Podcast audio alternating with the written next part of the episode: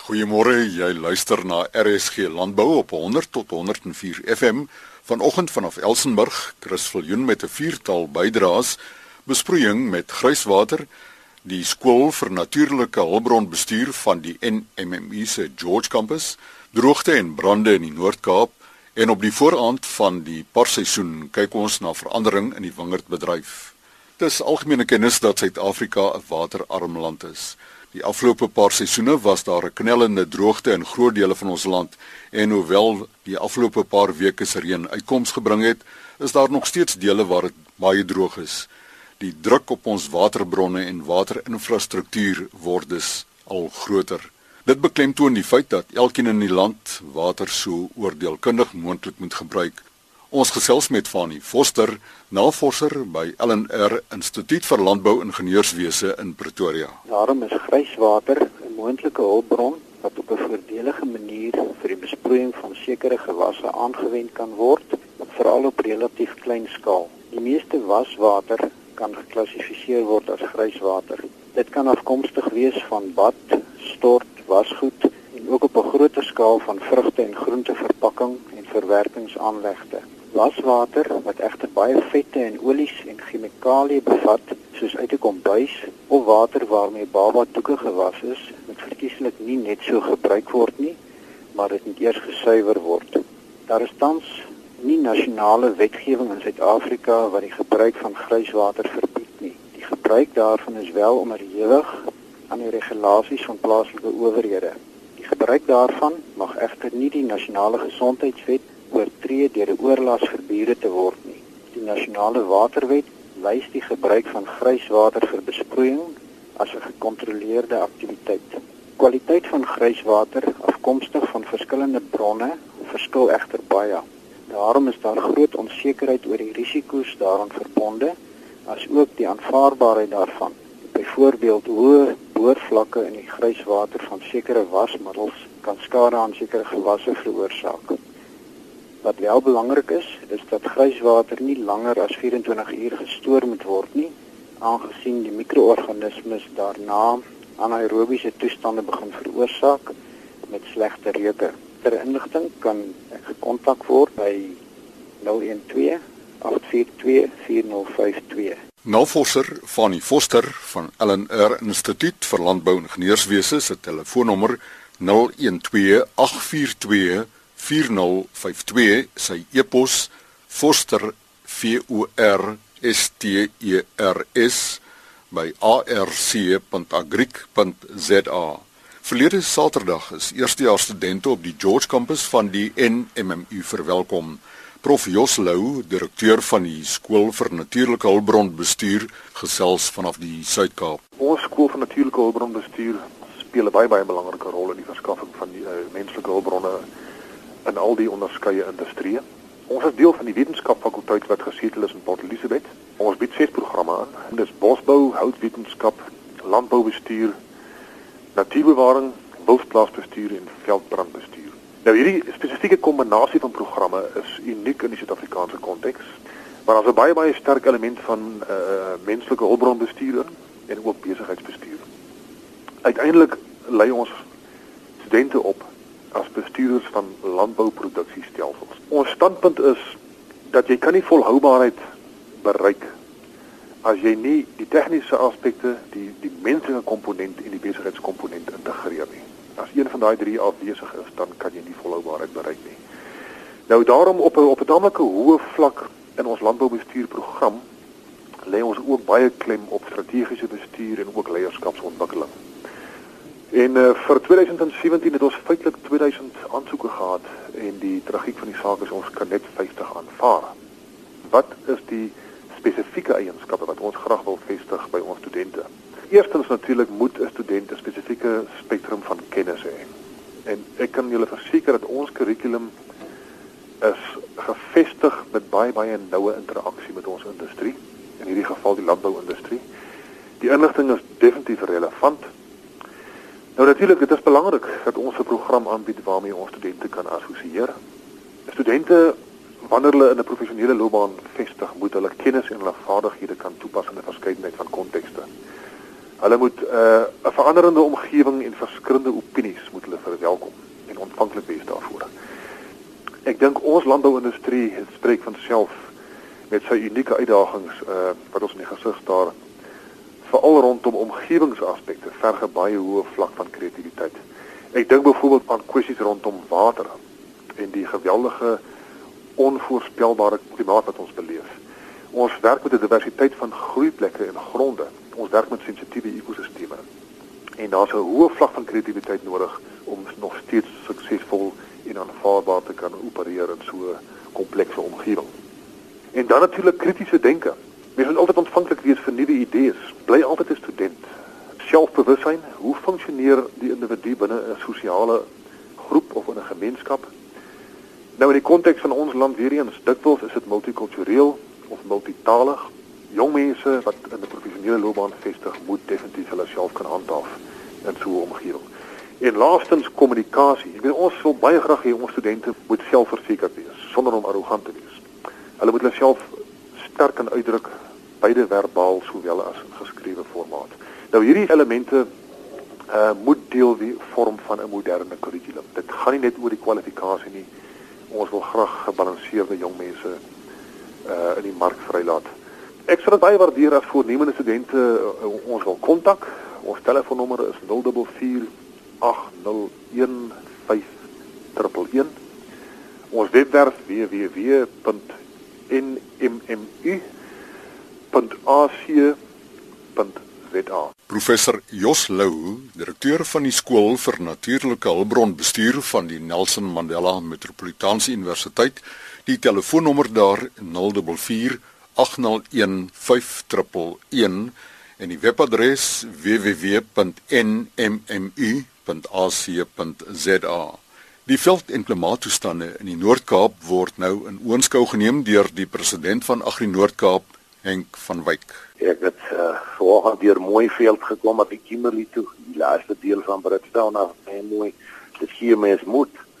En maar die grootste gedeelte van die Noord-Kaap. Ons het maar 'n kwessie oor oor droogte hulp om hulp te kry vir die boere nog want uh, aan die een kant die manne se kontant vloei is, is, is uitgeput en, en ons diere is vir ons kosbaar vir die land is voedselsekuriteit kosbaar.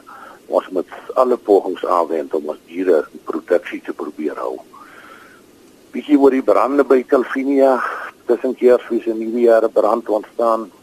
So 40000 hektaar is geaffekteer nou. Dis nou nie die 40 het nou nie alles in totaal afgebrand nie, maar so ses plase is in totaliteit afgebrand. Die effek daarvan is ons sit met plus minus 6000 oeye wat gaan sonder voer en kos wees tot, tot by Mei maand ten minste wanneer hierdie winterreënval gebied begin uh, veronderstel is om te begin reën kry. Ons het ruim skenkings gekry. Ons het ook skenkings vir die departement van landbou gekry, 50 ton dosering wat Agri Noord-Kaap geskei het van Appington af Calvinia te berei boere vir onmiddellike verligting in vorm van veevoedsel jy weet ons gaan vir vir 6000 skaap gaan jy min of meer 6 ton voer per dag nodig hê vir 'n tydperk. En ons is baie dankbaar vir al die wetenskap het reënskenkings gekom met ander provinsies op die roostersgras en sulke goed, maar ons gaan nog nodig hê. Ons het nou besluit om om hierdie voere by 'n voerverwerkingsfabriek op Calvinia af te lei waar hierdie goed gaan verwerk word in 'n basiese voedsel kom ons noem dit 'n onderhoudskorrel of 'n droogtekorrel met uh, bietjie mielies en molassemeel wat ons bysit en dit is dan gaan beskikbaar stel vir die boere in die brandgebied en die groter droog droogtegebied in die distrik. Iemand wat nog voel hy wil 'n skenking maak, kan kontak maak met myself of Agri Noord-Kaap en Kimberley op die webwerf sal jy ons nommer kry. Maar ek wil net beklemtoon hoe dankbaar ons is vir dit wat al gebeur het. Ek is vol moed vir hierdie jaar. Ek is vol moed met die wat hierheen begin het uit die noorde uit. Hy kom af en hy kom af en ek glo ons gaan in 'n normale tyd ingaan. Uh, die, die grootste gedeelte van die Noord-Kaap wat nog swaar kry, is die westelike gebied met grens aan die winterreënvalgebied. Die vleispryse is op hierdie stadium baie goed, maar ons het nie die produk om te lewer nie. Ons is baie dankbaar vir die breë publiek, vir die empatie wat daar is rondom hierdie goed. Ons het 'n groep boere in Delmas Ermelo wat al meer as 1000 ronde behalwe vir ons beskikbaar gestel het. Maar die vervoerkoste daarvan is maak dit net onmoontlik om dit effektief in Appington of in Calvinia te kry. Pretoria wat vir ons hulle lorries verniet aanbied. Ons moet net die diesel ingooi. maar die diesel is is, is verskriklik duur en dit gaan maklik jy voel te veel kos die tyd wat jy dit daar aflei.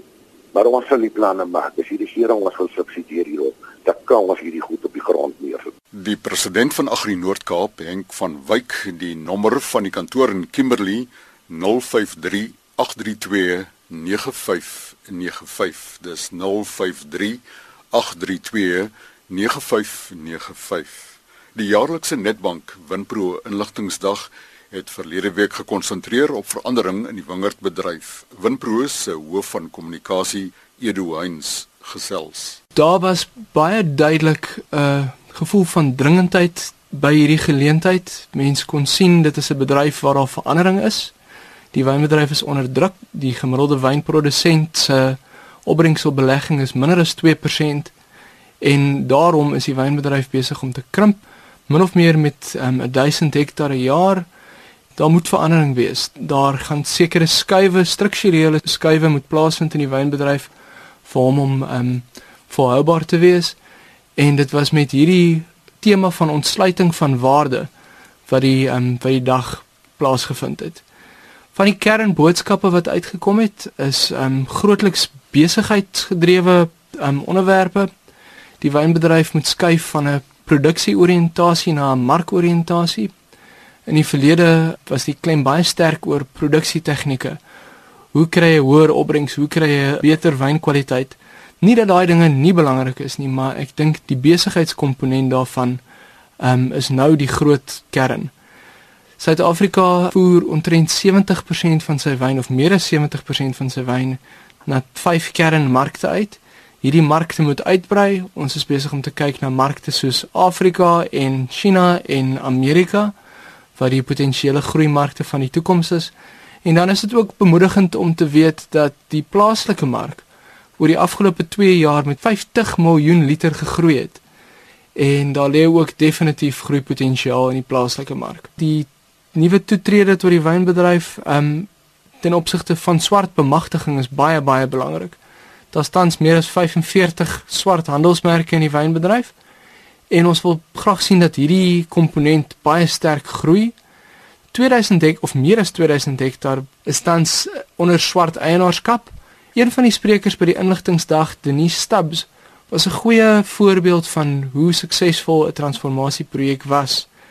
Um met haar Ovation handelsmerk gaan dit baie baie goed. En dis meer sulke tipe suksesstories wat ons wil sien. Vir die wynbedryf om volhoubaar te wees, het ons nuwe tegnologie, nuwe denke nodig. Nou die wat die Winpro inligtingsdag bywoon, sal weet dat die hoof ehm um, konsultant by Winpro, Franco Viljoen, het elke jaar 'n hoendervergelyking waarmee hy die stand van die wynbedryf vergelyk.